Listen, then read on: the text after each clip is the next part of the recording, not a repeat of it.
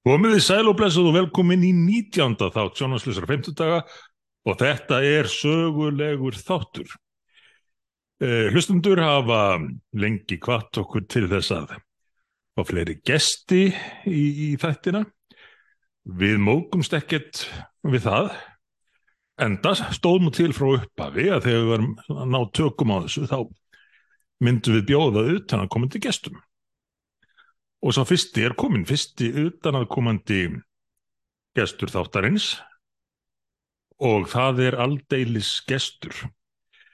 Uh, hann er konungur álutskjafana, þó að ríkisúttarpi kannski hafi ekki gert sér grein fyrir því, en uh, vekur umræðu hvert skipti sem hann tjáir sig. Og tjáir sig yðurlega um það sem að þarf að segja þó að allt og margir aðrir þóru ekki að segja það. Bergþór uh, er komið að því að ljóstra upp um hvers konar feng við náðum í hérna í sjón, sjónarslösa 50 daga. Og ég held að þetta sé svona gott dæmum það þegar menn byrja á toppnum. Þetta er svona eins og þegar Marjulagsin er 20 punta. Þá er eiginlega bara leiðið niður á við eftir það. Já, En svona í ljósi þess sem hefur verið í gangi í þinginu núna tvær vikur, í tvær vikur, umræðum útlendingamál og, og hérna hinn ímsu önnur mál, þá hérna höfum við aldrei stutt dottið í lukkupottin og erum, já hver er komið til okkar? Það er engin annar en maðurinn sem að svo margir hafa beðið eftir að heyra í oftar Brynjar Níelsson velkomin Takk fyrir að bjóða mig, þetta var mikið lýsing. Já, við erum búin að undirbúa þetta í heila viku. Þannig að það, hérna, en gaman að, gaman að fá þið til okkar Brynjar og hérna, þetta er nú, það er nú eitt og annað búið að ganga á núna síðustu, síðustu tvær vikurnar þó að það er kannski ekki mikið hérna tunið beint á ykkur því hérna semst að ráðherranum þínum og, og þér sem aðstofamanni uh, í tengslu útlendingamálið en, en þetta er náttúrulega búin að vera hérna svona hálger þraut að ganga síðan Sigriður Andersen lagði frumvarpið fram fyrst fyrir núna hvað, fjórum árum síðan, það eru þannig fimm, Þetta er alltaf 15 tilraunin. Fymta tilraunin, já. til að koma það ekki hvernig bara sýnist 2017? 2017, já, aðeins. Hvernig sýnist þeir það líka núna? Nú er önnur umræðan búin, búið að greið atkvæði, máli komið inn til þriðju umræðu, inn til nefndar. Er, er þetta ekki að klárast? Jú, ég held það, en, en þetta er bara ekki nóg, þetta frumvarp. Nei, þú, það eru tveir þingmenn búin að garga það núna vikum saman. Þetta sé búið að þinn þetta svo mikið út að það svona, sé á mörkunum að það sé gagna af en þó eitthvað. Jú, jú, það er, sko, sko þegar, við bara komum í ráðnetið og við bara horfum á hvað er að gerast, öðrum við málið, þá bara sjáum við að þetta er auðvitað í algjöru öngþveik. Fyrst þannig hefur framkantinn einhvern veginn farið úr skorðum, sem er grunar að sé, sko, hafi byrjað í tíð, sko, gömlu vinstjúðarinnar. Það er potið. Já, framkvæmdi fyrir algjört rugl og svo er löggjöfin ekki bara nógu skýrum margt, það þurfti bara að breyta þessu og það þarf ákveðin úrræði. Þannig að við höfum, sko, missum ekki alveg stjórn á, á þessum málaflokki. En er einhver eftir í frumvarpinu af því sem að því var ætlað að ná uppalega? Það er mjög lítið. Já, Því svona miður. segir. Hlutum sem raunverulega gera gagn. Já, en, já. En, en, hvað, þú veist, sjá menn fyrir sér að taka þá annað skref, sem sagt, að- að Já. atrinu í Já, framhaldi. já, það bara verður ekki hjá því komið. ná þessum afla í hús þó, rýr sé og halda síðan áfram. Þetta er auðvitað ótrúlega staða að horfa upp á það að sko, það séu rétt um 5.000 mann sem koma hérna á síðast ári. Það eru sko rúmlega 4.000 sem fæðast á Íslandi og, og síðan ef við horfum á sko desember og janúar þá eru fleiri að koma frá Venezuela heldur en, heldur en Úgrænu. Já, já, já. Það þarf auðvitað að stöða þetta. Og, Það, það, við þurfum ekki bara að skrifa þessi útlendingalög upp á nýtt og er einhver von til þess að það gerist með að við uh, undirgefni sjálfstæðisflokksins í þessu stjórnarsamstarfi. ég, það bara gengur ekkit í þessu stjórnarsamstæði að gera það. Það verður bara að vera önnur samsetning á þinginu svo það sé hægt. Mínu já. Því miður, það er bara, ég held að allt og margir þingmenn neita bara að horfast í staðrendur og veruleikar. Og þegar það er, það náu einhverjum árangri. Ekki fyrir er komið í óefni og menn þá blasir við þegar við erum hægt að geta gert nokkuð. Já, já. Og þá fyrst kannski fara menn að vakna, þá er sett í rassi gripið stöktur. Og menn forðast það í bara hérna, eins og heitan eldin að læra af reynslu nágrann okkar. Algjörlega. En þetta er eins og, eins og ráþarann hefur nú ítrekka sagt, orðið algjörlega stjórnlust. Mm. Og sjáum það að á einum mánuði til dæmis oktober, tökum bara dæmi, oktober síðasta, komu tvisvar og hálfu sinum fleiri hingað heldur hún á 35 árum á, tíma kvota flottamanna fyrirkomaðsins og hérna eftir stopnun flottamannaráðs 95 þá komið 24 ári til, til 2019 kvota flottamenn en nú um 5.000 hátt í 5.000 á síðast ári og verður öflust enn það meira með hvernig árið fyrir á stað. Já, ég sé góð tæplega 500 manns bara í januar Já, Ég eflaust í janúar í fyrra eitthvað krambóleraður, hvað fjölda varðar vegna uh, einhverja uh, sótvarnar takmarkan og þess áttar, en það er enga síðu þannig að það er rúmlega 800% aukning á mill ára. Og ég ímyndi mér nú að það verður nú ekki lýsandi fyrir árið í held en, en janúar í fyrra var 54 held ég, Já, núna, uh, núna voru þeir hvað uh, rétt um 500, eða rétt hæpi 500. já, En sko, ég hef ekkert verið neitt ábyrjandi þessar umröð, ég hef bara einfallega sagt, sko, við fólk sem er að tala við mig að spyrja mig um þetta, sko, sko, við fyrsta lagi erum ekki alveg að fara eftir þeim lögum og reglum sem eru gildi, framkvæmdin hefur ruglast, við þurfum síðan að breyta lögun þannig að við getum ráðið við þetta ástand. Ég byrð bara fólk að bara horfa á staðrendir, sko, ekki, ekki fara að ræða þetta bara út frá einhverju tilfinningum, menn var áttur sér til hvers það kerfi er, hvað það kostar Mm. og, og, hérna, og ekki að vera hér í, ór, í, í algjörði óstjórn með sko, fólk sem kemur hérna að byggja um hæli en uppfyllir ekki skilir er hér kannski árum saman frávísað kemur bara aftur. Og þá Já. byrja bara sami prósessi Hvað, það er ekki þrjá lögreglumenn til að fylgja hverjum einum út og svo er þið komin aftur á þannig löggan kemur já, já, sko það er hljóta allir að sjá að þetta gengur ekki þó geta menn deilt um það hvað við eigum að vera miklu þáttakendur í þessu sko flóttamanna kerfi sem er raunveruleg flóttamenn hvað við getum tekið mikið og, og hvað er eðlilegt að við tökum mikið með við starð okkar menn geta alveg deilt um það mínu vegna sko. en þú verður að- enga sigur að hafa einhverju stjórn á þessu Já, já. Já. En, en sko er, uh, sko miða við þetta sem ég myndi nú halda að væri rétt matjáður að, að það sé erfitt við eiga með frekari breytingar mm. meðan þetta stjór, stjórnarsamstarf er við Mm. líði. Mm. Þá erum við að horfa á það að í raunveruleikanum ef að þetta kjörtjambil verður fjögur ár og þessi ríkistjórn heldur Mm. þá verði komið þessi mál ekki til raunverulegar skoðuna fyrir 2026-2027 sennilega ekki fyrir ná öðru ári nýs kjörtjambils bara, bara uh, ný ríkistjórn þarf eitthvað smá tíma til að venja stólunum og svona. Mm. þannig að 2027 það er bísna langt í þá og ef, að- ef að takturum verður 5.000 á ári eða vaksandi Mm. þá, þá, er, þá er stjórnleysið bara viðvarandi áfram.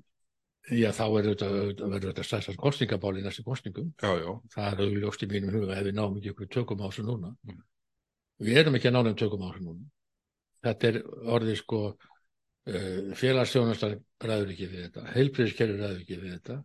Skólakerfi ræður ekki við þetta. Húsnæðismálinn sprungin. Húsnæðismálin, þetta kemur, kemur niður á öllum íslensku ríkisbókurum náttúrulega með einum öðrum hætti í gegnum þetta, þessi kerfi okkar. Og, og hérna en svo er bara fullt af fólki sem bara horfur ekkert á þessa staðinn lítur bara framhjá því.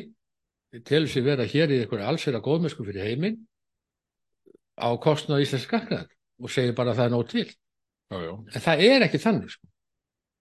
Nei, aldeilis ekki. Og, og stærð vandan sér miðað við annar staðar er, er bara margföld margföld. og þetta er auðvitað stórmál í stjórnmálum í Bretlandi uh, Bandaríkjunum og, og Norðurlöndunum og svo framvegis. Ströymurinn yfir Ermasundi, ströymurinn yfir eh, land, Suðurlandamæri Bandaríkjana uh, en samt er það miklu, miklu minna hlutvarslega heldur en það sem Ísland stendur allt innum fremfyrir sjáum nú bara hlutfalli sem við höfum nú sagt ítrekað í ræðum eða nefnt að uh, áður en að COVID brast á hafi hlutfallin verið þannig að á Íslandi hafi verið sko átta sinnum fleiri umsóknir um alþjóðalega verð hlutfallslega heldur í Danmörk og Noregi. Uh, nú vorum við að skoða þessa tölur bara í fyrradag og mér sýnist Danmörk líka þannig að það stöðullins í 41. 20-falt fleiri 20-falt fleiri með þessar þetta voru reyndar ekki lokatölur síðast árs. Ok, uh, það vantaði held ég sístu tvo mánuðina. En þetta eru allavega tölur. átta. og, og engin ástæð til að ætla að, að, að hlutfallið raskist mikið en já, 20-falt fleiri sækja um hæla á Íslandi núna en í Danmörku. Svo að það styttist í það að við þurfum ekki einu svona að tala um hlutfallstölur heldur komið fleiri til Íslands heldur en til Danmörkur í rauntölu. Já, en þið verður aftur góða því stakka sko með því að horfa sér auðu við veruleikar og staðrendir. Það er hattusorðarinn. Það er einmitt atriði sem við þurfum að koma inn á. En bara til þess að. Akkurat, talandum það. Og til þess að klára þetta mútlendingamálinn í leiðinu, nú segir þú skiljanlega að þú teljir að það sé ekki hægt að gera neitt að viti í þessum málaflokki á meðan að þeir eru með vinstri grænum í ríkistjórn. En VFG nákast málun ekki á sama hátt. Þeir bara halda áfram með, með sínmál og, og sjálfstæðisflokkurinn gleipir, aftur og aftur.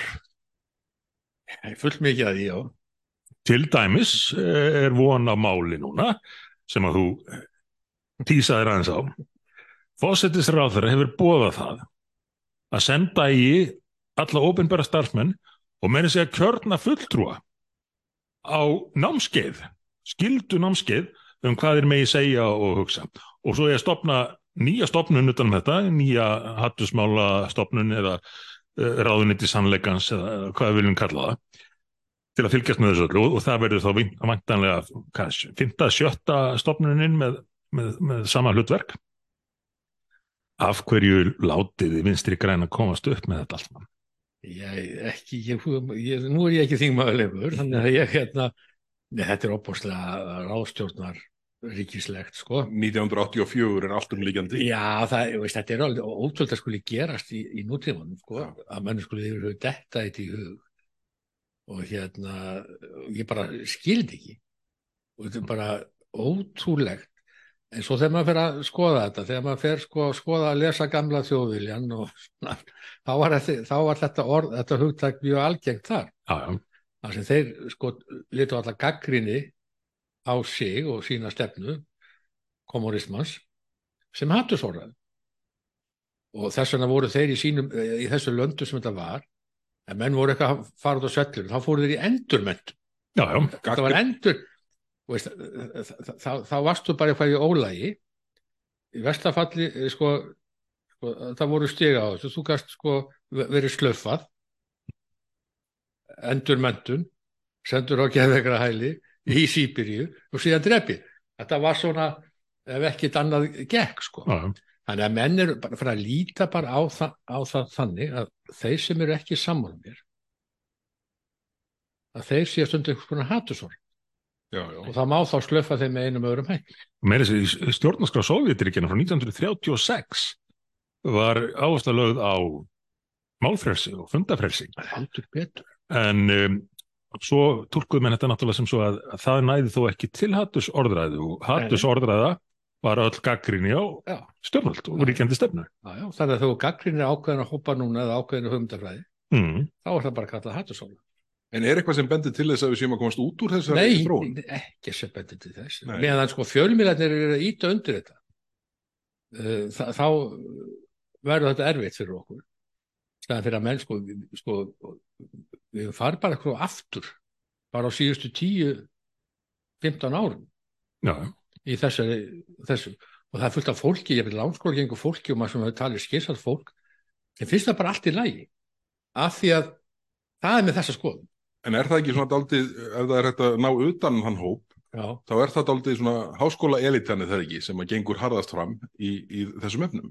Sjá nú bara það sem við erum að sjá, sjá núna komandi híðan og það og því kerfinu. háskóla hafa alltaf fóstrað alla delluna í gegnum tíðin Meina, menn kendu þennan marxisma, max, marxisma í háskólunum, þetta var vísindalegu sannleikur, það er ekki búin að gleyma því. Og, og, og, og svo kenna menn í dag einhver, einhverja kynjafræði sem er bara sama pólitíki meir og minna. Bara pólitísk fræði sem menn set, eh, pólitík sem menn setja einhver svona einhvern fræðibúning já, já, og öll þessi vandamála fræði sem að verðist fara sífælt fjölgandi. Og kannski heldu einhverjar á sínu tíma að þetta myndi svona laga sig eh, sjálfkrafa til því sem að fleiri og fleiri útskrifuðust úr þessum greinum og kemist að því að það væri bara enga, enga vinnu að hafa. Eh, en hvað gerðist þá? Þá byrjar kerfið að búa til störfin og stækka sjálfsagt. það var engin atvinnulegs kynjafræðingur uh, í lok árs, nei, í byrjun árs 2013 eftir ríkistóð Stengrimus og Jóhannu. Nei, ég menna sko, háskóliðarnir hafa alltaf verið að fóstra þetta og, og, og hérna, og það er ekkert nýtt í því, sko. En, en þetta er í mínum huga, sko, mjög hættulegt fyrir því frjálsa samfélagi, sko. Búið frjálsa samfélagi Já, sem við teljum mikilvægt. Lýraðislu það sem bara réttind okkar eru virt, sko. Ekki farið að slöff okkur, ekki farið að vega á okkur og útiloka og hérna senda okkur í endurmentu sem þessi hattus orðaða námski eru auðvitað ekkert annað en einhver endurmentu Já, já. á fólki sko. og, og sjáum bara öll þessi atriði til dæmis í gegnum COVID-tímabilið Mm. þar sem að menn voru annarkvort útilokaðar á samfélagsmiðlum eða sér mertir Já, já, uh, út af, fyrir að halda fram sjónamiðum sem kom síðan síðar á daginn að höfðu nú bara svona nokkuð grundvöld já, ég meina og bæði, voru í sumum tilgum bara rétt bæði ég og Sigrid ég ætla nú einmitt að segja, þú, þú og Sigurður Já, Andersen sérstaklega Sigrid sko, og hérna það var bara hótt eins og við varum bara sko, bara einhverjar gemverur sko. já, já, og hérna bara, ég var nú bara að vekja upp einhverja rökræðu, sko, byrju, er þetta alveg sjálfgefið? Er þetta alveg sjálfsagt? Er ekki á lágt gengið? Geta menn að gert þetta með að við þar aðstæð sem eru uppi, vildi bara fá þá umræðu. Það var bara eins og ég væri bara morðingi, ég vildi bara drepa fólk. Já. Og við, við sjáum í hvað stefnir, eða hvað við þurfum að mista kost að óttast. Ég nefndi það með týri þætti að einn á keppinautum okkar á hlaðvarpsviðinu, eh, Konstantín Kissin, eh, maður að, að rúsneskum uppuruna, en núna bretti, benti á það á síðast ári hefðu 400 manns verið handteknir í Rúslandi vegna einhvers sem þið skrifuð á samfélagsmiðla. Í Bretland á sama tímabili voru 3300 manns handteknir. Og lauruglan ringir í fólk eða, eða mætir heim til þess og, og segir því að það þurfi að hún þurfi að aðtúa hugarfærið viðkomandi. Þetta er orðið óhugnumvegt. Já, ég sagði einhvers staðar, ég man ekki hvað það var að, að, að þessi samfélagsmiðlar og hvernig þeir eru notaði væri því nýja stasi já, einmitt þetta er svo auðvelt að það gerir mönnum svo auðvelt að Já, já, en munurinn er þó sá að, að Stasi með sitt ótrúlega apparat gat þó ekki lesið hugsanir fólks. En núna tjáir fólk hugsanir sínar á, á Facebook og þá bara er það skráð og, og þú þarfst að taka afleðingun eins og þeir segja sem að já, og þetta, er þetta, þetta er svo galið, við erum bara nýkomnir út úr því tímabili að það var sko fólk að sko ringja í lauruglun og klaga nágranna sína í stegaganginum eða það voru 11 í barnaðamælin en ekki 10 þetta er bara nokkri mánuði síðan og þetta þótti bara eðlilegasti hlutur. Og síðan sko þrammar heilbriðisráðara hér inn í þingi í dag að afloknu, aflokinni atkvæðagreðslu mútendingamálið og leggur fram sko heila bók ný sóttvarnalög sem að sko þetta ætti að gefa sér smá tíma til þess að svona reyna rannsaka þá, þá þróun sem varðu og þau áhrif sem urðu af ákvörðunum stjórnvalda í gegnum COVID-tímabili sem, við, sem er nú ný, til þess að gera ný lið. já, nei, ég, mér- mér bara finnst einhvern veginn bara sem ég kallaði frálsa sa- samfélag eigi bara undir högg að sækja. Á sama tíma og það er svona mikil velferð, það er svona mikil mentun mér finnst þessu undarlegt en það segir mér kannski að Nei, það að mannskapin ekki- hefur ekki breyst. Einhver værukerð kannski sem að fylgir já, fylgir auknum lífsgæðum, ég veit það ekki en, en, við, við ekki við alvöru vandamál að stríða já, þá, þá, þá en, en svo er bara markvist eins og við brinna rættunum fyrir mörgum árum verða að, að reyna að brjóta allar grunnstóðir uh, samfélagsins. Uh, allt það sem að taldist til grundvallar atriða réttar ríkisins í gegnum tíðina.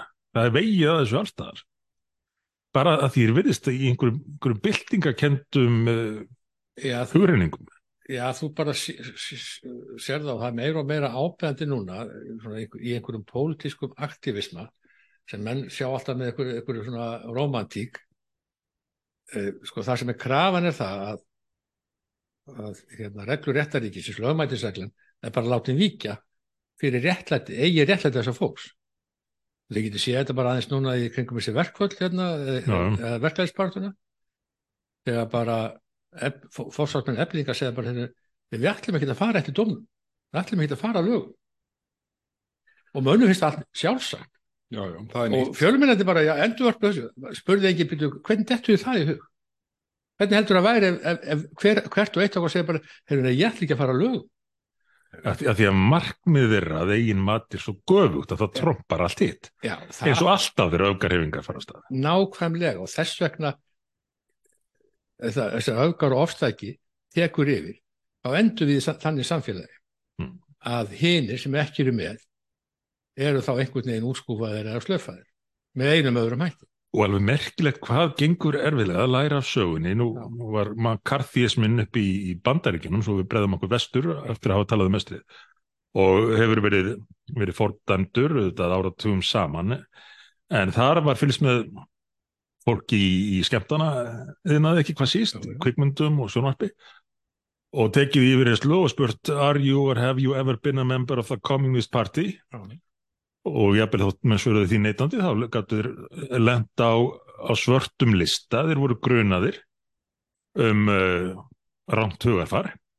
Og þó, þó má segja að þarna var verið að uh, takast á við hættulegustu reyfingu já, já. samt telur enginn þetta forsvanlegt lengur. En nú gerðist það hér á Íslandi eh, að uh, ung kona Íva Marín sem að þú skrifaðir ágættan pistilum uh, blind stúlka sem var ráðinni til að leika í auglýsingum um bætt aðgengi í ferðarþjónustu uh, söngkona að laganemi uh, allt í einu ákveðið að slaufa henni. Klippa hana út úr kynningarmyndbandi eh, ferðamálastofu og, og, og fá einhvern annan leikara í staðinn af því hún með ekki sjást af því hún var talin hafa haft einhverjar skoðanir sem að uh, væri ekki í lagi. Og svo reyndar kannaðist hún ekkert við það en þá bent að hún, hún hefði verið meðlimur í samtökum sem að börðust reyndar að mér skilst fyrir réttundum samkynneira og tvíkynneira en hefði ekki haft rétta skoðun á öðrum málum. Og þá bara á hún ekki að fá að vinna. Eh, þetta er skuggalegt Þess vegna myndist ég á þetta því mér er svo oprósa skuggalegt Já. að við stæðum nú ekki lappið að gagva þessu. Svo ég nú verið að fylgjast með á netinu, þá kemur fullt af fólki og réttlætir þetta. alveg ótrúlegt. Og ótrúlega margt fólk sem finnst það bara allt í lagi. Maður hugsaði með sér, já, hvað myndi þetta fólk segja ef ég væri færi núna til rektors MH og segði, heyrðu, ég er bara fullt af gömlu vistir ótæklingu sko, sem bóðu þetta marxisma og, og eitthvað svona. Já, Ég tel það bara hættulega hundafræði og ekki bara fórsvarlegt, þetta þetta er bara við gali lið. Og hérna, og ef hann færi allt í að reka fólk núna, vegna þess að einhver, einhver, einhver hópur hærimanna væri bara ekki sáttu við að vistumenn var að kenna í skólan og vísa bara í það að það væri bara hérna ekki nóg hugulega skoðanir. En er þetta ekki bara partur af því að það eru sitt hvora reglurinn þar fyrir þá sem eru vinstra megin annars Jó, sem eru það ekki? En, bara, já, já, þess að tekið þetta dæmi og, og, og hérna auðvitað myndum menn ekki sætta sig við það. En, en, en svona er þessi aktivismi orðin og þegar menn hafa þetta plattform sem netið er, þá verður það svo öðvelt að því að við öll hinn hrökklumst undan. Og það sem ég var, var að segja, hættið að hrökklast undan. Stíðið niður fæti og látið ykkur ekki bjóða ykkur svona slöfanir þó einhver alltaf öskraði því að þetta er raunverulega bara fámunur hópur og það mun ekki skaði Það er nú málið. Og, og, og þetta snýst orðið svo mikið um það að hafa af fólki í lífsýðurværið. Það verðist vera endapunkturinn en ekki, ekki það að fá fram einhverja sko, breyting á umræði eitthvað svo liðs. Endapunkturinn gagvart hverjum að einum einstaklingi skal vera að sá að af honum lífsýðurværi sér haft á honum. ég meina þið sjáu bara hvernig þetta fólk lét þegar við Jón fórum í ráðnættið já, það var ekki bara mótmælt það var já. þess að reyna að hafa áhrif á þetta það var nú mynd reyfið upp á þinginu hérna fyrir í dag að í ljósi þess hver hefði verið skipað dómsmálaráðara þá treystum en ekki Já. frumvarpinu og ymsum greinum þess Já.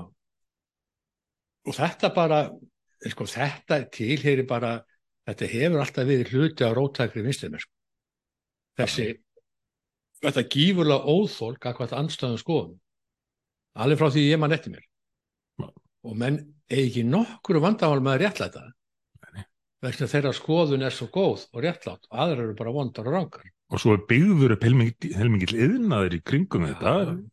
Ríkisreikin ríkisreikin yðurlega allt. Með, meðal annars til þess að búa til þessi störf sem við tölum um áðan en, en svo finnst mér þróunin í, í háskólanum hérna vera farin að minna ískikilega á það sem að gerst hefur í, í háskólum mörgum erlendis. Veist þú hvað Rikk er, Brynjar? já, ég veit hvað rík er Það er, er eh, stofnun innan háskólans, hluti af háskólanum Rannsóknarstofnun. já, hún er bara nýbúinu uppgöta og uh, þeir eru núna með með mikla kennslu, endurmentun um, eh, um eh, hvað kallar af nýlendu væðingu og hvítleika. Þetta eru hugtök sem eru bara flutt beint inn frá ekki hvað síst enskumælandi löndum. Ég, ég get sagt að það er mikill kvítleiki hér í stúdíunum núna. Engin okkar hefur séð sólaljós vikum og mánuðu saman. Nei, þú ert að styrt af, af ranni, sko. Já, þetta, Þetta er allt, þetta er allt er, er þetta nýsköpun? Já, þetta er eitthvað nýsköpun. Þetta er að af, af, nýlendu væðing aðri mentunar í norrannu samhengi. þegar maður þegar maður les þetta sko þá svo þessi betur sko í hvaða veru þetta fólk komið. En, en þetta eru fræðin. Þetta er jafnvel verri texti heldur en auglýsingin fyrir sérfræðingin hérna á Re- Reykjavíkuborg, framtíðar sérfræðingin, Já. verkefnastjóra framtíðarinnar, eða hvað þau þetta. Sko mesta útgjaldaaukningin fyrir ríkið er í þessum þessum félagsvísindum öllum sem ég hef lítið álita og hef skrifað um áður En svo skortir háskólan pening, segir þér. Já, já, þe- þetta er bara þetta er bara plattform fyrir sko, viðstir ótak líka til þess að hafa sko, deilt fyrir sig og hefur alltaf verið þannig en hún bara stækkar og stækkar og stækkar sko. og, og hérna Það verður nú áhugavert að skoða hlutalsaukninguna milli sviða háskólans já, að þetta varðar. Nei, ég meina, Já. ef, menn halda það að, að, að þessi hugmyndafræði er bara horfið 1990 við fall Sovjetríkjana þá það er mikill miskilingur sko. Já, greinlega. hún, hún fer bara í annan faruveg sko. Og, og, menn, og, og ég hef stundur að skrifa um það sko, að þeir taka yfir öll svona félug þess að reynda að taka yfir ferðafélagi sko. Hérna, þeir taka yfir öll svona félug sérstaklega ef þeir eru sko, styrt einhvern veginn að ríkinu og breyta þeim svolítið í, í pólitísk aktivisma Það voru bara er sérstök handbókin. námskeið um það hérna hjá Reykjavíkur Akademínu held ég að það já, heiti. já, Sumar námskeið í hérna einhverjum já, Ár, sumar eftir sumar. Já, það, Já. það var, hvað hétt þetta aftur? Þetta var sumarskóli unga fólksins eða einhvað slíkt. já, það var Eh, ekki, bara eitthvað rauði eitthvað Jú, jú, og það var allavega svona merki, var einhver rauð stjarnar held ég já. á svörtum grunni.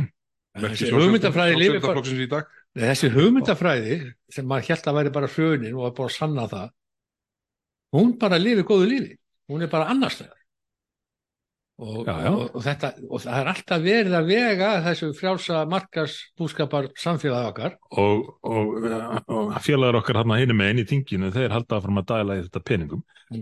Þú erum kannski ekki séð það eða þið, en, en Rick, fyrir nefnt Rick, var með uh, fund í gær uh, og fyrirlestur um uh, hvítleika í íslenskari nútímalist. Og það er hægt að horfa á þetta á netinu. Og ég ætla nú bara að leiða mér að hvetja uh, áhuga sama uh, til að horfa á þetta uh, því að ég veit ekki hvort það er rétt að hafa gaman á svona hlutum en, Samt. en þetta var kostulegt. Ef ekki bara segja að það verður linkur á vídeoið undir á Facebook síðu miðflokksins Já, með þessum þætti. Nei, eins og ég taki eftir þessi vinstri eða sósialismi sko, er svolítið bundið við listir og menningu og háskólsafélagi. Já, já, Fólkið, þegar við þykist að berja fyrir, hefur engan áhuga á þessu. það er rétt. En það sem að veldum mér á ekki mér er hvað er stöðut verið að taka yfir fleiri og fleiri stofnanir og fyrirtækin uh, búin að stökkva algjörlega út í þennan bókisma farin að stunda það sem ég kallaði réttrúnaða rekstur þegar ég skrifaði einhvern já. grein um Íslandsbanka sem að vildi fara að stjórna því hverjir mætti vera með útastætti ella myndir ekki auðlýsa í, í þeim þáttum. Uh, og, og það er svona ein stopnunin af annari og jafnvel það stopnanir sem að maður hefði talið að vona að myndu halda lengst út. Uh, lauruglan uh, uh, ja, um lönd. Og svo er það dómstólarnir þeir hafa kannski að mestu haldið lengur út en ímsir aðrir en, þó sér maður Já, já. svona merkið þar um að þeir sé að detti í þetta líka. Það er alltaf hættan og, og þess vegna þurfa er nú mjög mikið þetta rattir sem svona andmæla þessu að menn þóri að hérna sko, ég veit ekki hvað ég fæ hérna oft samtöl og tölupóst þar sem ég heyrðu algjörlega samanlega sko. Teistum mér ekki að læka þetta já, já, akkurat. Og maður hugsa með sér, já. Við fáum af og til svo leiðs skilabóð. Já, já, við og þekkjum hérna, og hérna þetta er auðvitað alveg rétt og maður, svona, maður fer á mannamót og maður finnur alveg. Svona, almenningur er bara svolítið að svipuðu stað maður sjálfur. En einhvern veginn fjölmiðlar og, og sem ég kalla forreynda elituna sko í list og menningum á háskólanum þeir bara taka svið af því að þú er enginn að andmæla þeim. Nema einhver einn og einn sögður sko eins og við. Og, og verður þá sko skrifnum mennindir í, í sögunni sko. Það verður einhverjur að taka það hlutverk kannski. Jú, það, vegna þess að fólk þórið það ekki að það fyrir bara að hugsa um hérna verði ég rekin eða hvað hérna ver, verður mér slöffa það er bara einhver svona einhver gamlega kallað sko sem geta lesið þetta því þeir um það byrja að komast eftirlaug sko. Það er mikið áhugjöfni að fólk þór ekki. Alveg eins og var í gömlur ásöndaríkjum menn fólk þórði ekki, það var, það var hrætt. Og við, það er alltaf verið að hræða fólk. Og svona uh, svona hérna aktivistar er alltaf að hræða fólk. Ég er að segja fólki út með kassan hætti að taka þátt í þessu. Já, já, ekki hrökklast undan. Það þarf að benda á að keisarinn sé nakin. Já. uh, hann er meir og minn áspyr algjörlega. Og maður vonar að á einhvern tímapunkti þá það snúist þetta við og, og fólk fari að þóra í auknum mæli. En hættan er samt svo að ef það gerist ekki þá, þá eh, fari menn bara að sætta sig við þessa heimsmynd sem að þessi þó takmarkaðu hópur er að bóða og, og svona hún normaliserist svo í sletti. Já það, ég meina, það er bara horfið bara á söguna þegar þessi allræðis ríki voru stopnus að það byrjar í miklu minnilöta Já, já. Þjóður sósérsta var bara lítill hópur. En þeir voru bara skipulaðir það voru skipulaðir stunduðu terror, hrættu fólk og svo bara mjallar þetta áfram. Já, já. En, en er þetta ekki einmitt svona það sem að, hérna, já, já, þetta, þetta eru áhrifin sem koma ve- verða því að, að, að fólk þori ekki að spilna við fótum. já, Að ég, ég tók það nú sem dæmi í einhverju samhengi bara fyrir stuttu síðan að sko, þegar kom könnun hérna, ég man nú ekki hver framkvæmdana, einhver þessara könnunafyrirtækja sem að benti til þess að það voru bara 70 og eitthvað prósent, 74-8% minnum í landsmanna sem voru bara fylgjandi aukinni orkuvinnslu. Mm. Það var algjörlega á skjön við það sem að sko, þú veist, talandi stéttinnar höfðu haldið fram árum saman. já, já. En þetta var akkurat það sem ég hefði heyrt út um allt, út í kjördaminu mínu, norvestur, svona í raunheimum.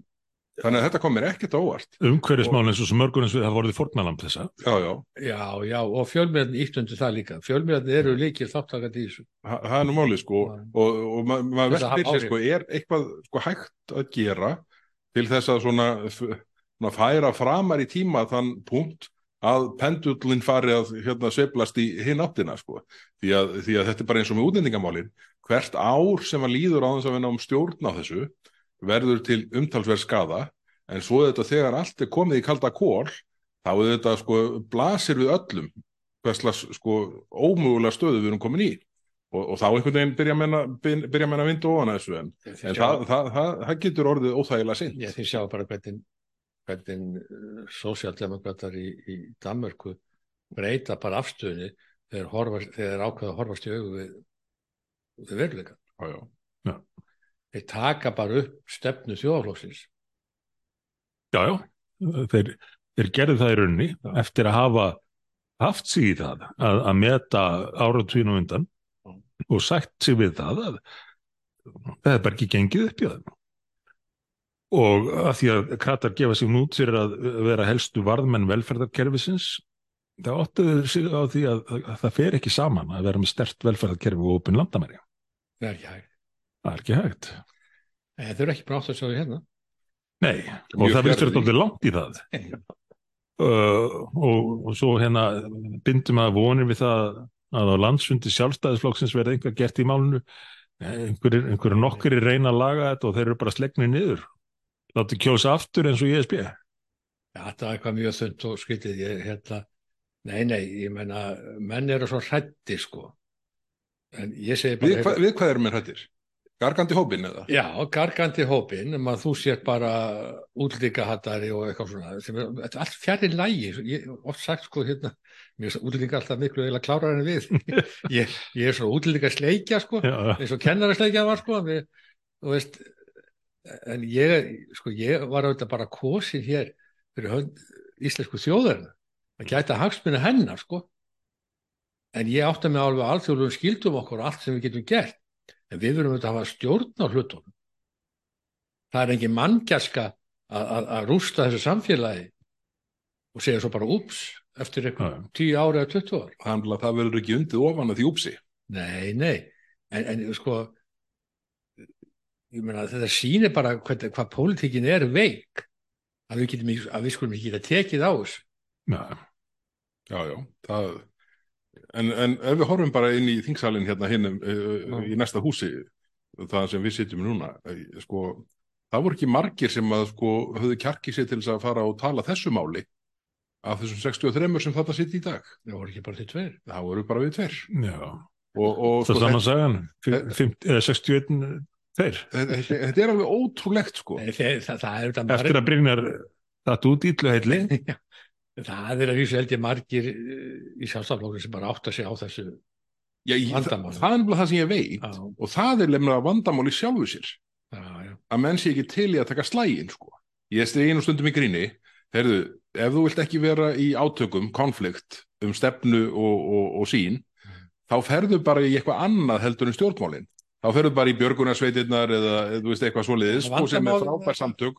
En þú veist, ef, ef, þú vilt, ef, ef þú vilt ekki lendi í slag um hugmyndir ekki fara í pólitík. Nei, vandamálinn bara sjálfstaflokkur það eru margar vist að veru það sko. Og það er ekki allir á sama stað í öllu sko. Það er auðvitað rétt sko, en þetta getur ekki átt að vera einhver svona rúlandi kvíldarinlög Nei, nei, ég meina ég ég haldi þess að ræða oft innan míns flokks eru, nú þarf koma, nú þarf að menna stíga niður fæti sko meina, það var ekki mikið hrifning af því þegar ég hvað 2016 greitti ekki atkvæði með þessu úlíkafrömmarpið Mm. sem var þó sko eitthvað sem var til á alveg ótrúlegan hátt. Já, en það, ég vissi það strax sko, ef ég ætla að fara í eitthvað tverrpóltist í þetta, þá verður þetta ónýtt Já, já. Og svo þetta var það þannig og ég sagði bara að þannig verður að opna Pandora- Pandora-box, ég mun ekki taka þátt í og mun ekki stiða þetta, Mm. en ég var hluta ríkisjónarflokkum, já. þannig að, að það var ekkert auðvelt fyrir mig að gera það. Nei, nei, en ég Þú- gerði það samt. Þú mátt eiga það. Eh, Þú uh, að minnstakosti tjáðir þig oft á tíðum af, af miklu hugrekki, en svo var, að- var ekki verið að reyna að berja þig til þess að... Jú, jú, ég var bara til líni maður, bara til líni það er kannski hluta því að vera í svona þingflokki. En, en ég bara ég er bara verið að tala um það að menn þurfa bara meiri kjark og þor að það er alltaf verið í pólitík. 2016 Mm.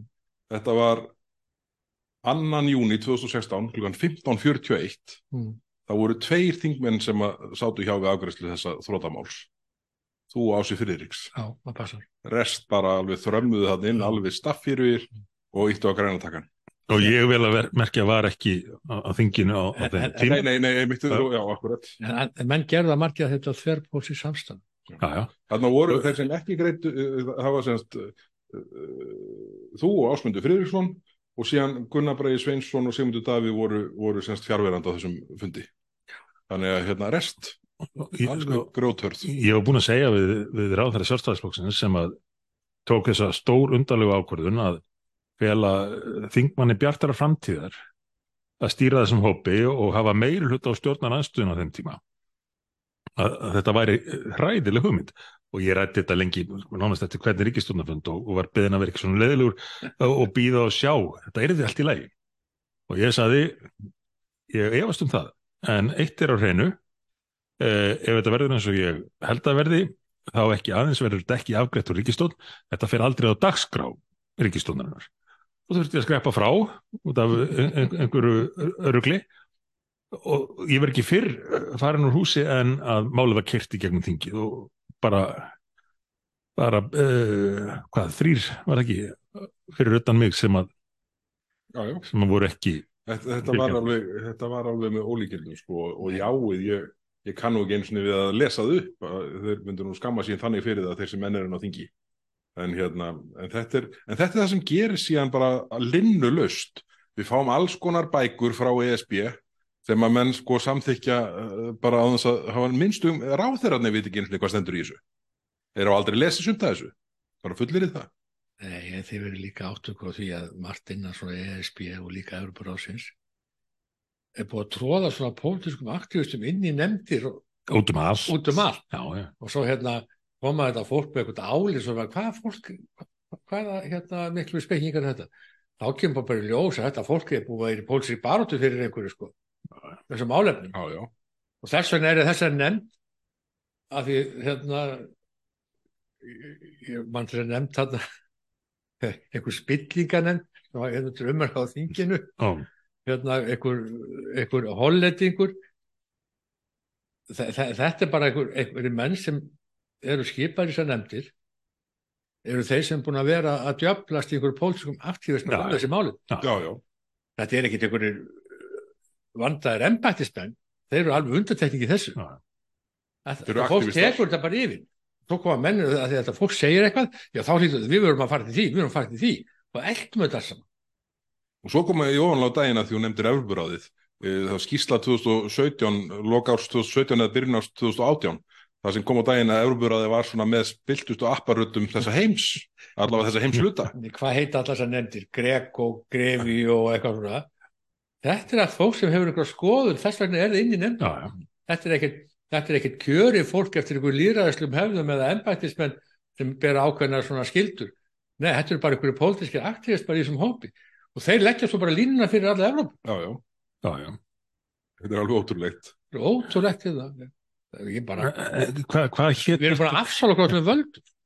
hvað hét þessi þennan spillingarhópur sem þú uh, svísaðir í sem að kom svo bara í ljós að var fann að senda tilkynningar um að Ísland væri alveg handónýtt land Já, já. og, og kom á daginn að það voru bara hörðustu vinstri aktivistanir menninni sem eru búin að vera hérna í í 10-20 ára að hamast í fjölmjölum sem að, sem að stjórna þessu sáu um að fóðura samtökin á Algjörlega, bara hérna fórað og, og með þess að var ég að spyrja hver var að fóra þessu Amnesty International núna.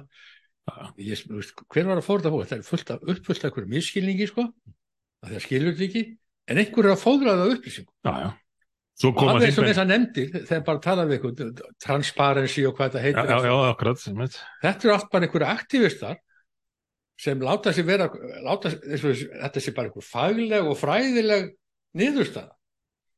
Svo koma þingmenninir inn upp fullir vandlætingar og segja þessi hérna virta stopnum Já, er að gaggrina okkur Íslandinga fyrir þetta ég hlust ekki á þetta. sko. Alveg, sko, gali fólk.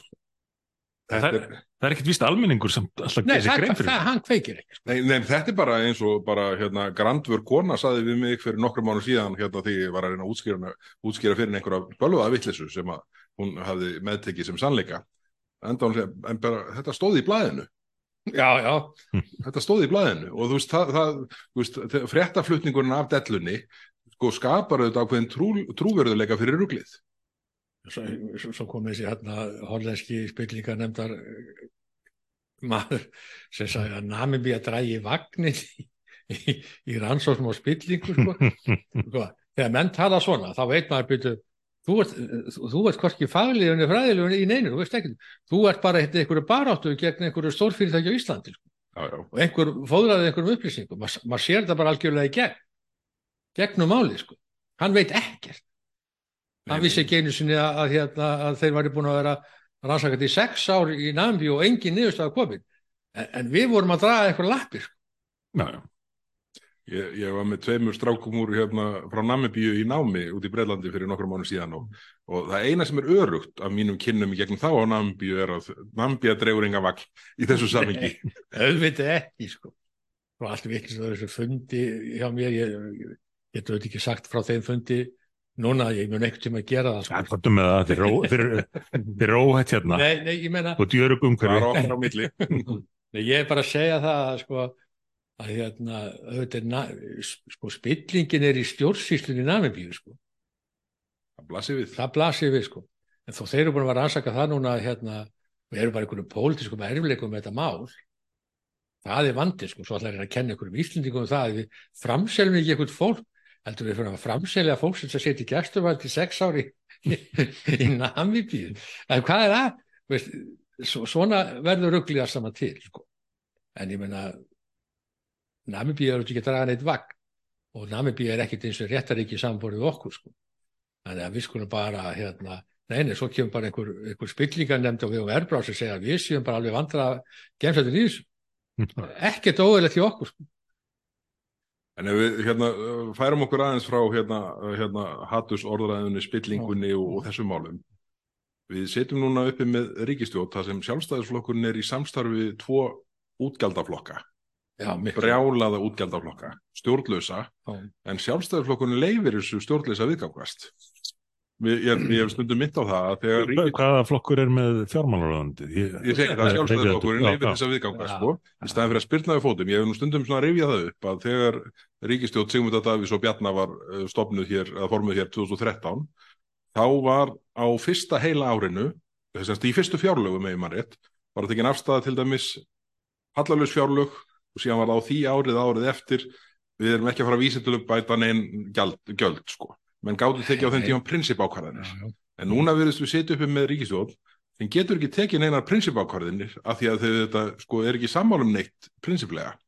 En sko erum við í þeirri stöðu, nú hefur Bjarni sagt í landsfundaræðu sinni að hann sjáum fyrir sér að tala fyrir skattalækkunum í aðranda næstu kostninga. Við sjáum fyrir okkur núna þetta útlendingamál sem loksins er að klára sem þó ekkert er. Það verður lítið hægt að gera þessum málum fyrir með nýri, fyrir með nýri samsetningu ríkistjórnar og svona kolla kolli erum við núna bara einhver sko föst í einhverju hjólfari sem við munum spóla í þar til þessi ríkistjórn hefur runnið sitt skeið. Já, ég óttast, sko, það er ótrúlega mikil krafið í samfélaginu um alls konar útgjöld Já, já. og, og menn eiga En er það ekki alltaf? Jú, en hún er verið meira, með svona meira ábyrrandi. Mm Það, það er allt eins og allt sé allt í hún á vonarvöld, sko. Já, Já, hvert sem litið er í sjálfu hvers sér. sem litið er og hérna sem eru þetta allrá. En ég, ég, ég hef getað sætt mig við það og, og sagt það við mína þingmenn. Ok, ég get alveg gert mig greið, ég, ég skil það alveg að við náum ekki hallanum niður strax eftir COVID. Meina, það verður auðvitað hallið við COVID. En samt erum, 2027 er ekki göfugt markmið. nei, það Það er að sko- vísu, Það er sko næsta ríkistjórn. Já, já. Eitt tímabil hennar. það er svolítið langt í það, við skal við ekki það. En við gætum þetta gert miklu meira. Sko, ríkisvaldið er farið, sko, það er alls konar hérna, marg, það fyrir einhverja miljard eitthvað sem heitir jafnrétti sinnaður og, og við erum með alls konar fólk á framfæri í alls konar pólitík sem vissulega sinna kannski einhverjum svona verkefnum en eru auðvitað bara pólitísk félög alveg, og ef, ef, ef þú skoðar þá finnur alveg ótrúlega mikil útgjöld í alls konar sem að svona hugsa með sér þetta er ekki að skila reynu til samfélagsins Nei, nei, einmitt. Og, og þetta er auðvitað týjir miljardar hverju ári sko. en, en menn vilja bara ekki skera niður neitt, það er svo sé ekki hægt. Og, og það ein, það, sko, það, það myndast alltaf nýtt gólf í, á COVID-tímanum þá var okkur sagt að við þessar aðstæður heimsfaraldur, neyðarástand þá þyrti ríkið að auka útgjöld sín mjög verulega og skiljanlega það var verið að loka fyrirtækjum og komið í veg fyrir að fólk gæti unnið og, og búið til verðmæti. En svo fylgdi sögunni að þegar við værum búin að komast í gegnum þetta þá færum við að spara og greiða niður skuldur og svo framvegis. Það gerðist ekki, það hafði bara orðið til nýtt gólf og svo er enn byggt ofan á það. Já, já, svo heyrir maður sko viðreist á öllum gaggrinu þetta sem samt sko ef maður alltaf sker eitthvað stæða niður þá verða það villisir þeir eru ekki alveg samkvæmið sjálfum sér sko. En, en sko það sem mér þykir svo skrítið er að okkar góðu vinnir í þingflokki sjálfstæðarflokksins já, svona séu til, þú, þú áttir nú það fræga komment fyrir nokkrum árum síðan að, uh, hérna, sem snýra því að kingja ælunni í samstarfi. Já, já, Já, menn auðvitað er í samstarfi, ég hef skilning á því. Já, já, það er bara menn velja sér samstarfsaðala og, og ég hef nú sagt sko, þetta er auðvitað val sjálfstæðisflokksins að vera í þessu samstarfi. Já, já, og veist, það, það, þó, að, þó að ég sé- nú með efasemdir um að, að svona pólitíski hérna uh, óróun hafi verið kannski jafn mikill og margir uppliðu þarna sem var notaðust sem rökstunningu fyrir þessi ríkistúnarsamstarfi 2017 Mhm. þau rök sem þá var hægt að svona tína til, þau áttu alls ekki við 2021, bara alls ekki. Nei, nei, og það, það kom mér svo óvart að, að þessi góði hópur, sjálfstæðist þinglokkurinn er uppfullur af toppfólki, já, en bara að sko, hvað orsakar það? Að það spyrni engin við fótum. Ég ætla ég ætla að svara fyrir Brynjar. Er það ekki bara vegna þess að sjálfstæðisflokkurinn er orðin kerfisflokkur? Snýst bara um að uh, vera í sínum sætum og geta haft einhverja þræði í hendi sér og líður bara ljómandi vel í skjóli formans vinstri græna. Sko, ég held að þetta getur verið rétt, sko, en ég held að sé líka annað vandamál í þessu Mm. að það svona vantar sjálfströst í hópin. Já, ég, sko, ég skal ekki fara alveg í þessa psykológíu, sko. Málið er það, að ég finn það svo sem alveg, að menn telji það mjög mikilvægt að sjálfstaflokkur sé í ríkistum. Óháð því hvað hann gerir. Alveg og því að gera, vegst að hann trúi því, ef hann er ekki verður allt miklu vera. og ég held að sé margt til í því. Já, en væ, sko, það, það er ekki alveg augljóst að það væri hægt að sko, auka ríkisútgjöld mikið meira heldur en hefur gerst á... Jó, jó. Nei, ég meina, veist, það er ekki nóg til. Nei, mönnum alveg saman það. Sérstaklega ef menn er ekki tilbúinir að búa til aukin verðmæti, sem er annað sem að ég... Nei, ég meina sjáðu verðmættatapi hjá okkur hafa ekkert gert í, í, í ramma áallinu tíu ára Alveg galið. Þetta eru sko 2 miljardar ári og við getum ekki einu sinni flutt ramagn, sko. Það er alveg ótrúlega staða. ra raforkuflutningar, þetta er allt í ólesti. Þetta er alveg ótrúlegt tjón fyrir samfélagið. Mm. Eh, Fullt á ekki fyrst að bara allt í. Því Það bara, stækkar alltaf hópurinn sem heldur að ramagni verið til í einstungunni og kjöti verið til í kæliborðinu í já. já. Það bara vaksi þar í þessum plastpakningum. Nei, já, já, ég menna, eh, menn, eh, sko, kröfundar aukast mjög mikið. Kröfundar aukast á þjónustu ríkisins, um útgjöldur ríkisins, endalust. En svo þegar maður að reyna að búa til einhver verðmæti, þess að standa undir þessu, Já, þá bara ertu að eyða landinu eða veist, koma umhverfis og landvend og allt þetta og anstæðingar kvíeldis og allt saman sko. Og við með sjálfstæðisflokk sem ætlar að banna ekki bara vinslu og olíu og gasi heldur líka rannsóknir á olíu og gasi í íslenska heyrðu, það komur vís óvart það, óvart það frumar fjóðan og guðliði. Já, Já, ég er eftir að skamma fyrir það. gott. Það er nú alveg tilefnin til. Já, mér að... Þú, þú eru örgulega skamma gulla fyrir minna, Já, minna málið það. Ég, þetta, hvað er að fólki sko? En, en sko þetta, sko það sem ég verulegar áhyggjur af er bara í, með vísan í orð Bjarnar Benditssonar í, á, í landsfundar frambóðsræðu sinni, frekar en setningaræðinni, ég man ekki hvort það var, Mm. að sko það er því, hann ætlaði að ræðum skattalækkanir í aðranda næstu kostninga. En var Um þetta ekki bara svona húmor fyrir sjálfum sér? það er auðvitað ekki Eftir, útilokað. eftir undanfæra nára að segja, heyrðu, við, við sjálfstæðismenn við ætlum að læka skatta Á næsta. Já, en, en, en sko, svo ég kláði punktinn það að Bjarni segir þetta með þessum hætti þessum skýra hætti finnst mér einhvern veginn gefa til kynna að það sé í raun algjör uppgjöf gagvart því að geta klárað snúin mál eh, út þetta kjörtímabil Já, þetta er líka til þess uppgjöf gagvað því þegar við látum aðila vinnumarkaðir semja um aukin útgjöld ríkisins. já, já, Trekk í trekk. Það, það er bara verið stónu Já. reglan í kjærasamningum Já, að það er ekki hægt að klára þá nei, draga, og, og sko auðvitað ættu þeir sem að vilja nálgast kjærasamninga þannig bara fara í pólitík, bara bjóða sér fram já, já, en ég er bara svo mikill hægri maður, að ég vil bara ríki sjá um það sem nöðsynnt að ríki sjá um. Lögreglu, dómstóla, ákjæruvald, uh, hérna og einhver svona grunnstólan. landvarnir og þetta svona landvarnir, landekískjæslu eitthvað svona annars sé ríkit ekkert að sísla í, ok, ok, hún getur verið með sko, eh, hérna einhverja sveitafélur með einhverja skóla allt í lagi. En ríkið er, er eiginlega út um allt. Bara bætir í. Og menn er að standa í rekstri uh, jafnvel samkeppnisrekstri eins og, eins og með rúf samkeppnisrekstri við alla fjölmiðla. Þeir eru í samkeppnisrekstri með all, á, all, alla áfengisölu til hvað sér eru því? Já, en sko, það sem hefur gerst er þetta að, að þetta pólitíska litróf eins og stundum kallað, það hefur hliðrast svo hratt að þeir sem að voru bara á, á gömlu góðu miðjunni eins og ég og spáði skins sem er siggi og slíka hluti, allt í hennu farið að kalla, kalla slíka menn hægri menn og, og tala um þig sem að verðist vera svona einhver, einhver hálgerði hjá hálgerði frjálsiki maður, allt í hennu höf, öfga hægri maður. uh, af því að sjónarhotnið hefur bara eh, færst alveg langt til, til vinstri Já, já, en ég, en ég hef sagt sko, ég hef til dæmis sagt að þessi ríkisjóð þín frá 2013-16 sé einhver besta ríkisjóð lífilsins. Já, ég ger ekki á gröngum það Nei, þú gerir ekki ákveðingu það. Það Sá reyndar aðeins á henni undir lokin Nei, ég er það sem menn tókust á við alvarleg vandam og kláruðu. Já. Og það þarf auðvitað samstöðs og svo sé hæg. Það þarf einhverja sín svo þetta sé hæg. já, En þegar komið þess að þykja flokkastjórn núna já. ég er ekki sem að menn getur glimt við þetta í dag Nei, ný, enda eins og hann má eiga það, fjármálaráþurann, hann sagði til að stjórnum að fyrst stofnuð 17 að þetta væri ekki eh, ríkistjórn um eh, stór pólitísk mál, þetta væri bara ríkistjórn um stöðuleika og, eh, og það er þetta að fara að einkenna pólitíkina núna að allt snýst bara um umbúðunar og, og yfirlist markmið frekar en innihald og raunverulega áhrif. Já, já, að því að tala líka um við værum sko, sko hægri menn og auka, jafnvel auka hægri menn þú er gammalt svona mið, miðjumadur Öfgar miðjumöður. Nei, já, öfga mið Nei, það sem við erum bara í raun við erum bara borgarlega sinnaði menn sem trúum á, og vitum það að, að uppluta atvinnulífi það sem skapar velferðina já.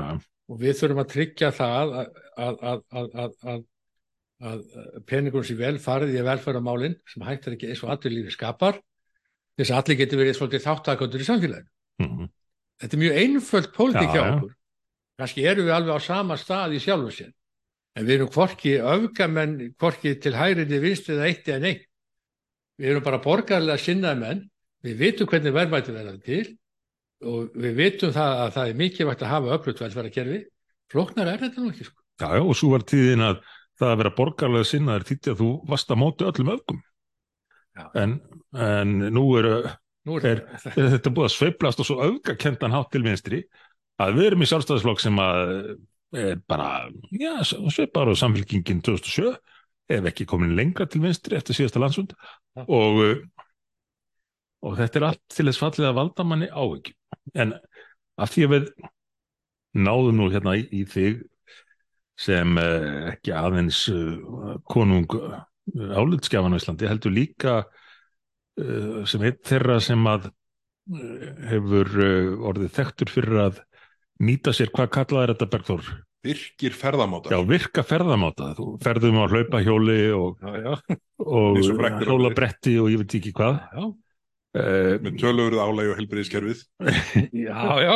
þá, þá þurfum við að spyrja þess út í uh, samgöngu sáttmála höfuborgarsvæðisins. Uh, stór undarlegt fyrirbæri sem að Ef að eh, áherindur gætu séð svipin á Brynjari Níelsson núna, þá er hann ekki fagur.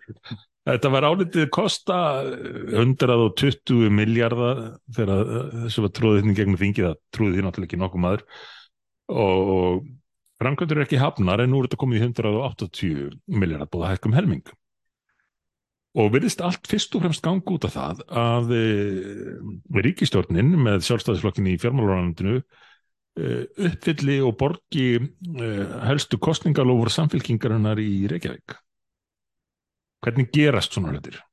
Þetta er alveg þingri en tárum tæki sko. Vandamál þessi sáttmáli verður til hann verður til og þessar ákvörðun sveitafélagi hérna um þessar borgarlínu verður náttúrulega til svo öðvöld til sveitafélagin að, að samþýkja eitthvað svona að því að ríkið er að borga þetta Já, minna. það er ekki býr nös á ketti þessum sveitafélagum Nei, borga. nei, en sko það að detta þetta í hug meðan sko notkun á almenns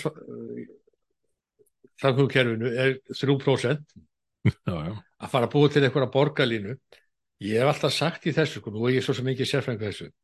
Menn verða að aðtúa það. Fyrsta lagi þessi borg byggð öðru upp eftir margaðara borgir. Öðru lagi er atvinnu þáttakað fólks og sérstaklega hvernig miklu meira heldur öllum öðru löndum. Já, já. bílinn er miklu, enga bílinn er miklu nöðsynlegri algjörlega. okkur heldur mörgum öðrum, öðrum borgum. Líka bara hvernig borgin er byggðu og það er lítil þjónusta sko í hverju hverfi þannig að menn þurfa að fara á milli að sækja hana. Hver hverfi er ekki sjálfbært sko. Og, og það að fara í einhverjum borgarlínu með þetta í, við þessar aðstæður við þennan veruleika held ég bara einfallega að sé döða frá upphafi það séu raun og veru bara draumur Og á sama tíma sjáum við sko hrigðarmyndina sem dregin upp bara rekstri Já. strætó í dag. Já, En svo ætla að meina að bæta sko borgarlínu uh, læginu ofan þetta. þetta er algjör bilun sko. Nei, ég, ég, þetta er bara ástæðan fyrir að ég trú ekki á þetta. Ég er alveg viss um að þetta mun aldrei ganga. Þetta mun bara vera eilífar útgjöld fyrir skakkrið. Já, Þetta minnir mann á sögun af sko hástökkurinn sem ég held að veri betri að stökku við hærri hæðir heldur en lægri hæðir.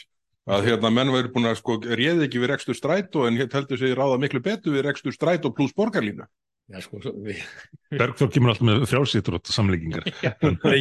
með þetta alltaf í fljótabræði sýnist mér bara ein mislaði gattabótið kringlumýru og ljósastýringi og taka sér ljós sem stoppa þetta umferð af, myndir þú retta þessu að mestu sko. Og, og síðan sjáum við tillögur eins og hérna, uh, hérna betri samgöngur fyrir alla hópurinn sem er nú samansettur að mestu sko umferða sérfræðingum landsins og hérna uh, og þar koma menn með tillögur sem kostar brot af þessu. En aðtóð eitt varandi þetta eins og þennan hóp. Kemur inn á það sem Brynjar var að tala um áðan að, að það eru kannski helst þeir sem eru orðinir eldri uh, hættir að, að vinna eða allavega í öruglu Sem stöðu sem þora að þóra að tjá sig uh, á meðan að það eru alltaf margir orðinir háðir því að kerfið fái áfram að, að fara áfram að sinni línu og, og borga það er alveg ljóst að skattar að ekki gefið fyrir mig þetta sko. Nei Borgarlínu skattarnir, þeir munu að dinja. Nei, svo, svo þegar skattar hækka sko, þá hækka kröfutari á, á vinnumarkaðum hærri laun Já, já. og við förum í spílarni með hærri verðbólgu og allt þetta. Þetta er, við erum ekki sem búin að læra þessar reynslu sko. Nei, Þetta er alveg, þetta er döðans alvara sko. Þess vegna er alveg rétt sem hérna sko, sem þú segir svona hægri vinstri. Ski, stundum er bara spurningu skynsemi sko. Nei.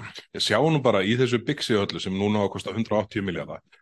Það hækkaði nú bara um 550% vermiðin á sæbrötinni. Bara því að menn alltaf fari í sko einhverja stokkalust þar í stæði fyrir 150, 650 sagður Nei, þetta, þetta var 550, ég klúraði þessu 550, nógu nú samt en hérna uh, sko þannig verið að sko leggja til einhverja stokkalust sem bæ, bætir ekki við neittni akrein eða neinu. Það er bara, það verður sama umferðarflæði umferðarýmt hann í gegn. Þetta uh, hérna það er ferið upp um 550 15 miljardar Mm. svo eiga menn eftir að skoða miklubreytastokkin, nei hérna stokkin hérna miklubreytastokkin sem að sko er áætlaður upp á sko verulegar upphæðir í þessu samingöllu og það er ekki tekið sko neitt tillit til sko þess að þarna verður sko miðja þessa umferðarás stípluð árum saman.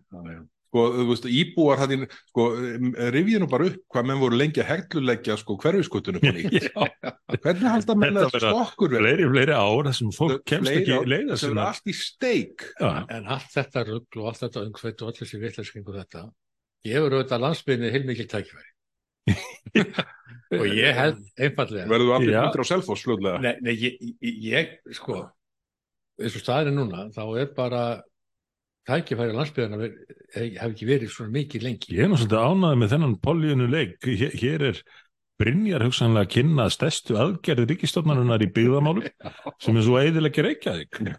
Já, ég menna, ég segi ef ég væri núna hérna að byrja að stopna familju veitu, ef það er uh, þokkar aðeins sem eru víð á landi núna hverju myndi ekki fara á land? Já, Miklu þægilega að En- ala upp börn algjörlega, og hérna algjörlega. heldur að setja hálftíma á leiðinni heim á, á krínarböndinni ég jafn lengi heim milli fjögur og fimm og ráðunettunni borgartúni og heim til minn byrð hlýðar sem er bara raunverulega ganga krínarböndarinn út að enda Mhm.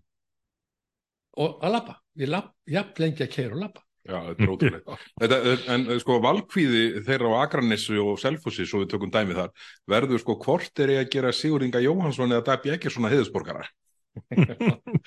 þeir hafa báðir skilað miklu fyrir þessi byggðalög Já, já. og Reykjanesbæ líka. Reykjanes það er gert í umfyrirmálum í Reykjavík ekki meira en áratug Það var nú bara að gera sérstakur samningur um það. að gera það ekki Samningur um hérna framkvæmdastopp og Jú, jú, það var stengurinn sem gerði það. um Það, sko. já, það var í tíð vinststjórnarinnar átt að gildi tíu ár, miljardur á ári fyrir að ekki er því farið í já. staðin að styrka strætó til þess að auka nýtingu almenningssamgangna. Þá, þá, þá við uppaf samningsins var fjöldi hlutvöld farin að ferða 4%. Já, og átt að fara það 12% á samningstímanum hann búin niður í 3 kom eitthvað Þetta er þetta og, og, og hvað gerði ríkistöðin núna? Hún er þetta bara framlengdi þetta. Af því að þegar ríkið er einhver tíma búið að ákvaða að fara í einhver útgöld þá endar það hvergi. Og þegar ríkið er einhver tíma búið að ákvaða að hækka göld og skatta þá verðist það hvergi enda. En ég hræðist bara mjög út gælda þesslu sem virðist vera nokkuð döðin á, sjá, á sjálfstýringu Mm. þó að við séum aðeins reyna að stögla við að ég óttast að veikum mætti það því veriðist já ég menna þú ert já, að svolítið veikum mætti en, en hérna en þetta er líka svolítið hlut að vera í þessu sko, samstarfi sko, nú komum frá Erubaráðin eitthvað krafið það að, að við stopnum nýja stopnum sem heita Marindarstopn Já, já. En, en, en, það en, en, kostar svo mikla peninga fyrir svona lítið samfélag Já, já, já, talungum þegar, eh, sko, fyrir eru allavega fimm stofnunir sem gegna sama hlutverki. já. Uh, en já, það er látið undan það er látið undan sko. við erum ekki nógu leiðileg stjórnmálmenn er ekki nógu fúlir og leiðileg er geta en ekki lengur sagt nei. þá ertu hrættur um að vera ekki endurkjörn en ég held að það sé mikil miskunn ég held að En, þarf þá ekki bara að fara að velja inn á, í pólitíkina fólk sem hefur að einhverju öðru að snúa? Jó, hérna, það er, held ég sé bara mjög mikilvægt að hérna bara gera ráð fyrir því þú verður kosin út ef þú gerir það gagn. Mm. Þá að bara það, eigi það bara að vera þannig. það geta orðið til mikill að bóta. Já, en ég er ekkert viss um sér kosin út. Ef menn eru sko skýrir í málflutningi sínum og segja af hverju hlutin eða að vera svona og segja bara satt þau eru að þá myndaði líka ákveðið tröst hjá þjóðinni. Sko.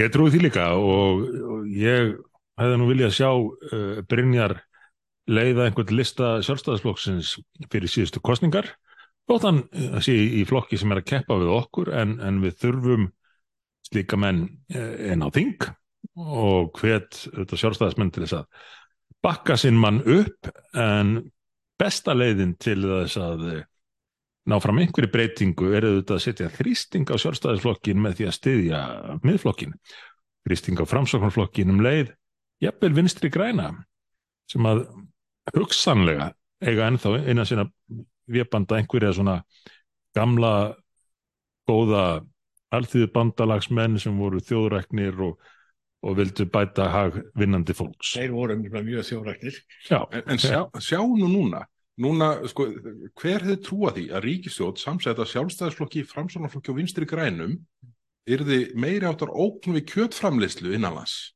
Hver hefði trúa þessu? Það er bara þannig að bæði lofslagsráþeran, umhverfisráþeran okkar góði og matvælaráþera hafa lagt fram skýslur og, og hérna og sem sagt svona, svona plagg yfir stefnuplagg gagvart lofslagsráðstöndum samfélögum þjóðana það sem sko uh, hérna, mest spennandi kostinir séu að draga úr hérna, landbúnaðaframleyslu á Íslandi og, og þeim áhrifum sem hún skapar. Það hefði ekki nokkuð með að trúa þessu bara fyrir fimm árum síðan að þetta getur orðið staðan. En þessi nýju útgjaldaliður lofslagsliður hvað er hann margi miljardur? Ó, guð minn guður og, sem bara skiptir einhver máli og, og grænu skattarnir allir sem við að leggja á Já. fyrirtæki fyrir, fyrir uh, nokkrum árum, allmörgum árum, þá tilkynnti þessi ríkistótt sem að var mynd valin mest vók uh, ríkistóttn Íslandsugunar í, í nákvæmri rannsókminni uh, og vinstristjórnin náði bara þriðasæti. Uh, svo kom hana, viðrestnar og bjartra framtíðastjórnin að stjórnin Já, og, og svo, svo er það þessi sem að tekur toppsætið. En uh, þau tilkynntu fljótlega að þau ætla, ætla að setja á næsturum 50 miljardar í uh, lofslagsmálin á þess að, að því virtist hafa hugmyndum hvernig það fjármagn ætla að nýtast.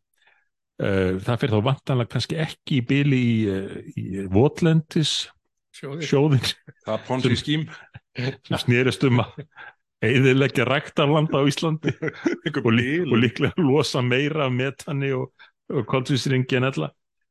En uh, það var bara eina barðason með skobluna. Nei það var ekki þannig. Þetta snýst allt um umbúðirnar. Jú, það, er ég meina, vant þetta er eða 50 miljard hérna af skattfíð í svona sem auðvitað skilar einhvern upp í staði þetta er auðvitað ekki hægt það væri sennilega betra að henda selunum í arinin það verður allavega einhverjum hlýtt rétt á meðan þið brinnu já, já, þeir eru fljótir að benna því sko, og þeir eru mjög fljótir í þessu sko. en þetta er, sko, þarna, sko, það- þetta er bara eitthvað tengt tilfinningum og einhverju sæðslu um að heimurinn sé að farast og já, já. ég veit ekki hvað þetta er en auðvitað skiptu við engu máli í þessu sko. engu. Neini og hvað heldur sko, að kynverjar ekki undverjar skipta neinu máli. Hvað séru breyta Já, skipta neinu máli. 1% Bretland, sko, af losun heimsins Já, og eru, eru að flytja eðnaðin sinn út jamt og þétt eins og reyndar fleiri Evropulönd flytja framleyslunum til annara landa og veikja sig með því að uh, að flytja framleiðslun út af því þá skrifast ekki á þeirra reikning. Þetta er bara eins og ef álverin verið loka hérna Herðu, og flutti Kína. það er nú bara be- beinlis sko, fólk í, í meðlans Vafki sem berst fyrir því að alvörunum verði lokað og ekki var annað að sjá í, í áallinu sem ríkistofnin sendi fyrir uh, loslasrástur með saminnið þjóðuna 2000 uh, núna og hvernig hann var fyrir Það verið fyrir að þetta var Glasgow 26. það sem að var svona svo framtíða sín sem að þótti kannski einna vanlegust var að, að yfnaður og landbúnaður svona meira og minna leiðist af hér. Það eru kannski nokkra kýr og þær myndu borða þang. Verða einhver er það sækir. og, eins og vegan fólk segir bara þeir ætla að bjarga heiminn með því að hætta að borða kjöt sko. Já, já.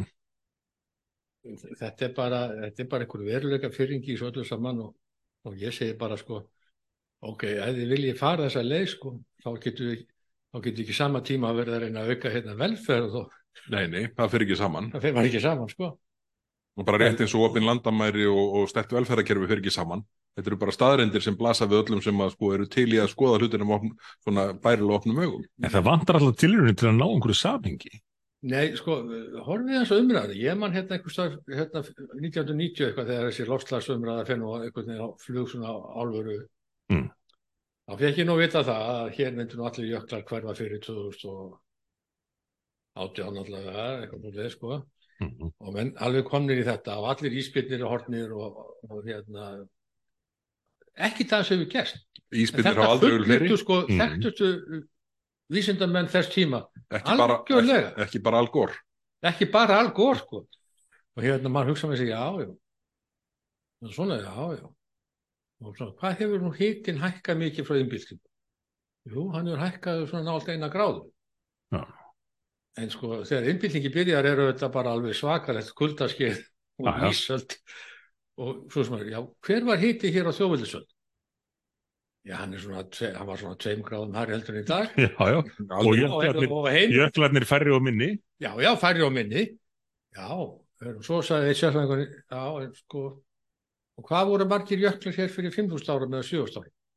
Já, það var engin jökull í Íslandi þá, sko. Nú, það var engin jökull. Já, já. Það var svo mikið hlýskeið já, já.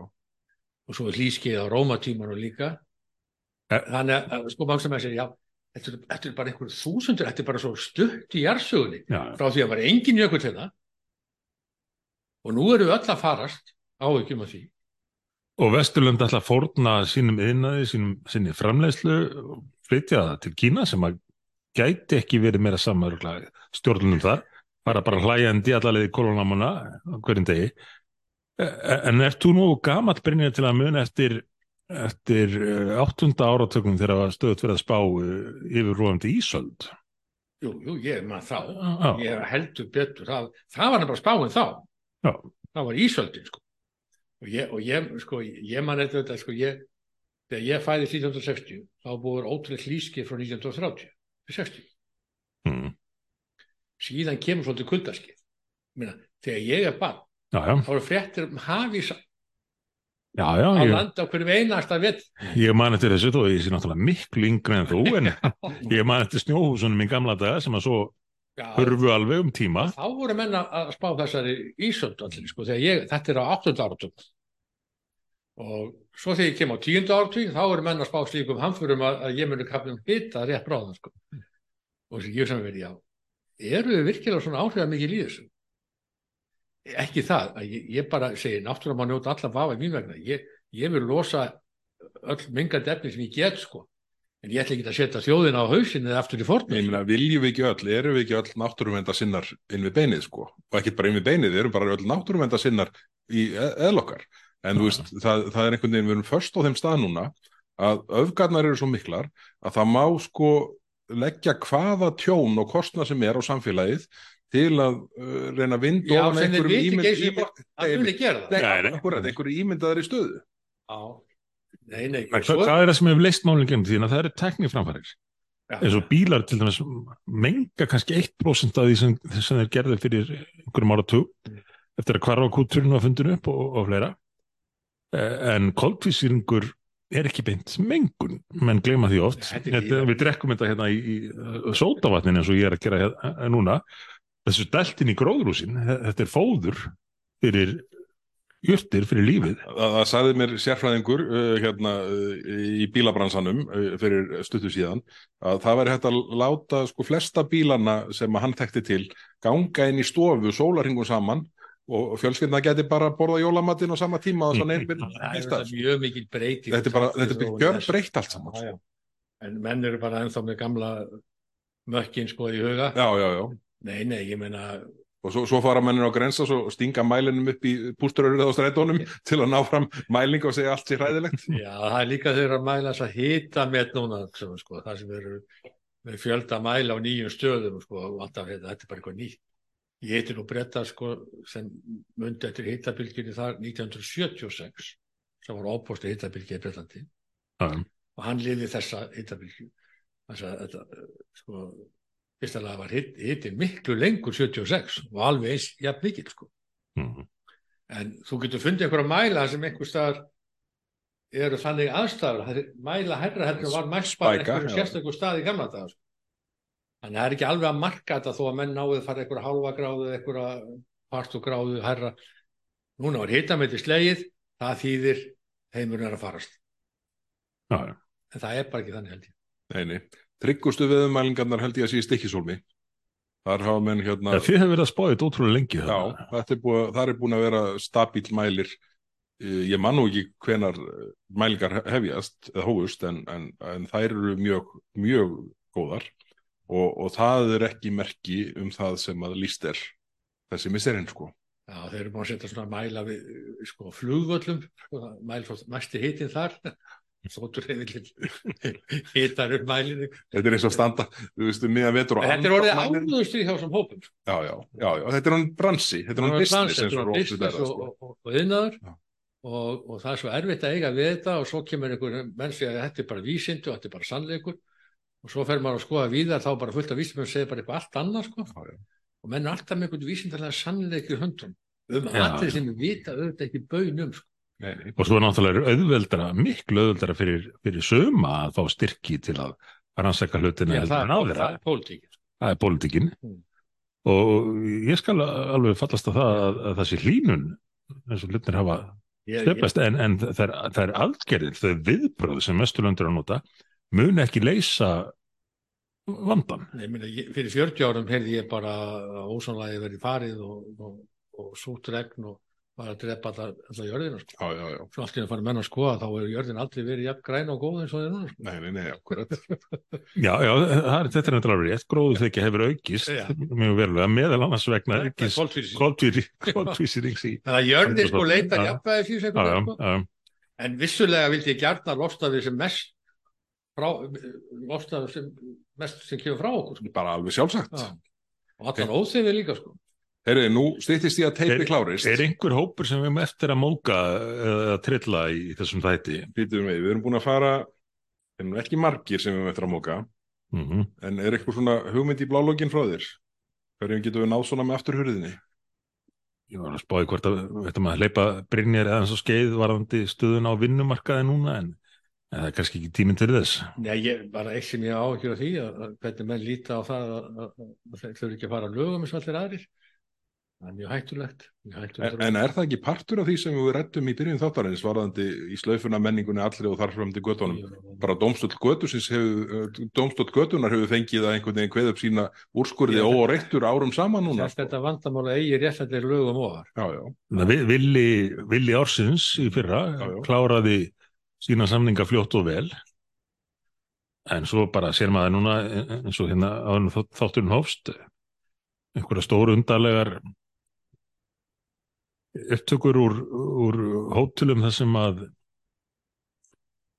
hvað hefur kallað öfgamenn er það, er það oflant gengið fara áreita ferðamenn fyrir það að vera að nýta sér hótel á Íslandi Það er engin réttur til beitingar ofbeldis í vinnumarkaslögjöfunni. Er það ekki nokkurn veginn þannig? nei, nei, ég menna já, þetta er bara menn er að bara búa til strísástand það sem bara uh, lögin verða víkja ég, þetta er hættu ástand þetta er hættu ástand í samfélagi og það og, hérna, og ef menn fara almennt að bara sætta sig við það að fólk vaði svona áfram þá gengur það á lægi sko. Já. Er þið prinsipin þarf að verja og uh, Við þurfum, að, vegna- le- við þurfum að verja líðræði, við þurfum að verja Já, já. réttaríki. það, það er ekkert ofsugum sagt Nei, það, það er ekki eins og þetta hafi verið komist bara á sér svona og, hérna, og, og sé bara fast í sessi.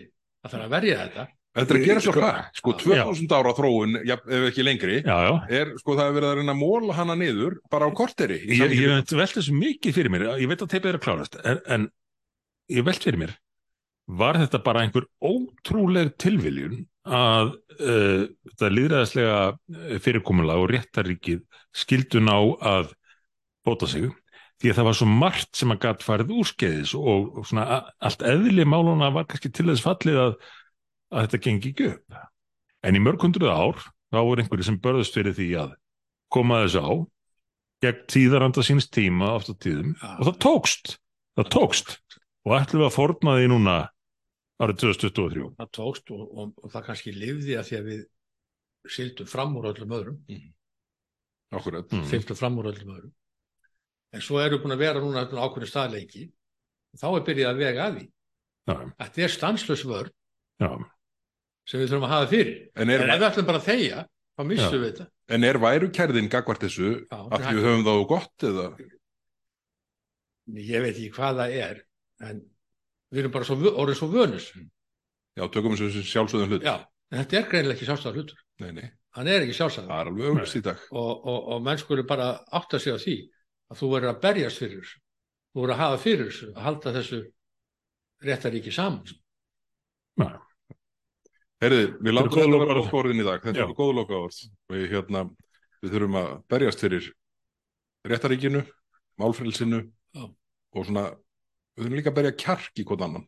Ekki okkur þrjá, við erum grjótarðir, en hinna félag okkar. og við þökkum heiðusgestinum uh, fyrir Brynjar Nílsinni sem að er það sem að útlendingar kalla konservativ held ég mér svo að segja en þýðir raun á íslensku ekki íhaldsmaður heldur varðveislu sinni Já. konserv þýðir að varðveita Já, já.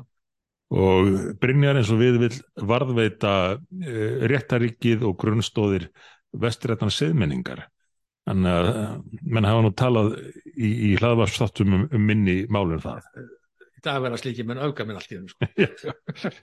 Brynjar, kæra þakki fyrir komuna, þetta er búið að vera aldeilis frábært Já, og, og, gaman fyrir okkur að fá því sem okkar fyrsta gest í laðarpið og, hérna, og það er nú ekki útilega að við fáum að hérna, hóið í síðar, Já. Og gaman, gaman að hitta ykkur, sko. bara sömuleiðis. Já. Ágættur hlustendur, við þökkum ykkur fyrir að hlusta í dag og við verðum mættir aftur hér að vikuliðinni með hérna, hefðbundin uh, uppgjörsþátt viku, vikuloka en uh, síðan styttist í fleiri sérþætti eins og, og þáttin um útlendingamálin sem við settum í loftið núna fyrir þremundugum síðan. Við þökkum fyrir áhörnin í dag og heyrumst í næsta þætti. Blæsum